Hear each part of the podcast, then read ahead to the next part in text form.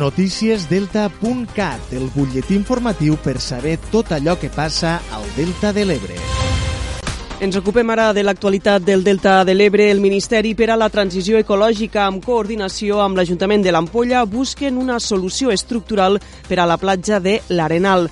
La platja ha desaparegut gairebé per complet en els darrers anys i després de diversos intents per a conservar-la amb aportació de sorres no s'ha aconseguit que aquesta es mantingués en el temps. El Ministeri, conscient que els abocaments de sorres no són eficaços, busca ara una solució estructural per a recuperar-la. Escoltem Francesc Carassa, alcalde de l'Ampolla. El Ministeri tots els anys ha col·laborat, s'ha fet aportacions sensors. Ens ha durat un estiu, un estiu i mig, o, o bueno, quasi un any, allò que fins a l'arribat temporal no ha desaparegut. Però quan el Ministeri fa l'esforç en uns diners, que és de tots, que per tant eh, ens podem donar responsabilitats, i la sorra dura tres dies, han d'entendre, quan ho expliquin els tècnics, que allí has de buscar una solució alternativa. No pot tindre més aportació de sorra perquè no és la solució.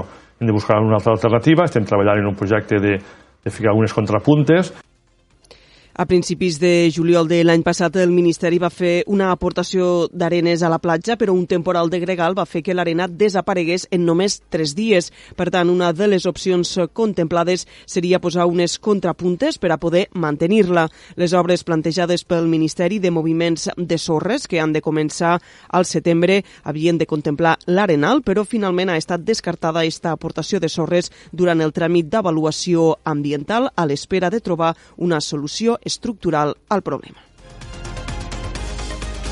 Més qüestions perquè l'Ajuntament de Deltebre celebra esta nit ple municipal, un plenari que vindrà marcat per la liquidació econòmica de 2021 i per l'aprovació de la modificació de l'ordenança de la plusvàlua.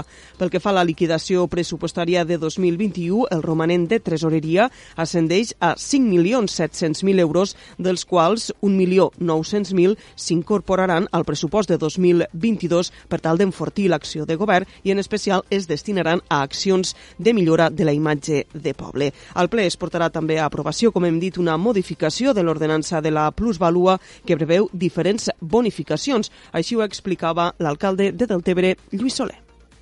Un paràmetre que seria fins al 30% en els casos de menys de 17 anys de, de la propietat de l'habitatge i eh, un altre paràmetre que seria eh, el 20% respecte eh, a aquests casos que superen els 18 anys de, eh, de, del dret real sobre l'immoble en qüestió. D'altra banda, també Esquerra Republicana presentarà tres mocions al plenari d'esta nit. Una d'elles ha estat subscrita amb la resta de grups municipals del consistori i demana mesures per combatre l'exclusió financera i instant a les diferents institucions i administracions amb competències en l'àmbit financer a actuar de manera immediata per revertir la situació que pateixen persones grans i vulnerables. Escoltem el portaveu republicà Joan Alginet.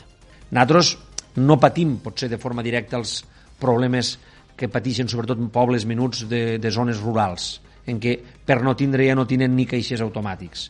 Però sí que és cert que del Tebre tot aquest procés d'evolució bancària ha comportat que de, de tindre moltes entitats bancàries, molts de caixers automàtics, molts de serveis a les zones més, com, eh, més confluenciades del propi municipi, a dia d'avui tot se redueix que a una o dues eh, entitats bancàries a la zona de la Cava, deixant part del nucli de Deltebre, sobretot la zona de Jesús i Maria, sense cap entitat financera.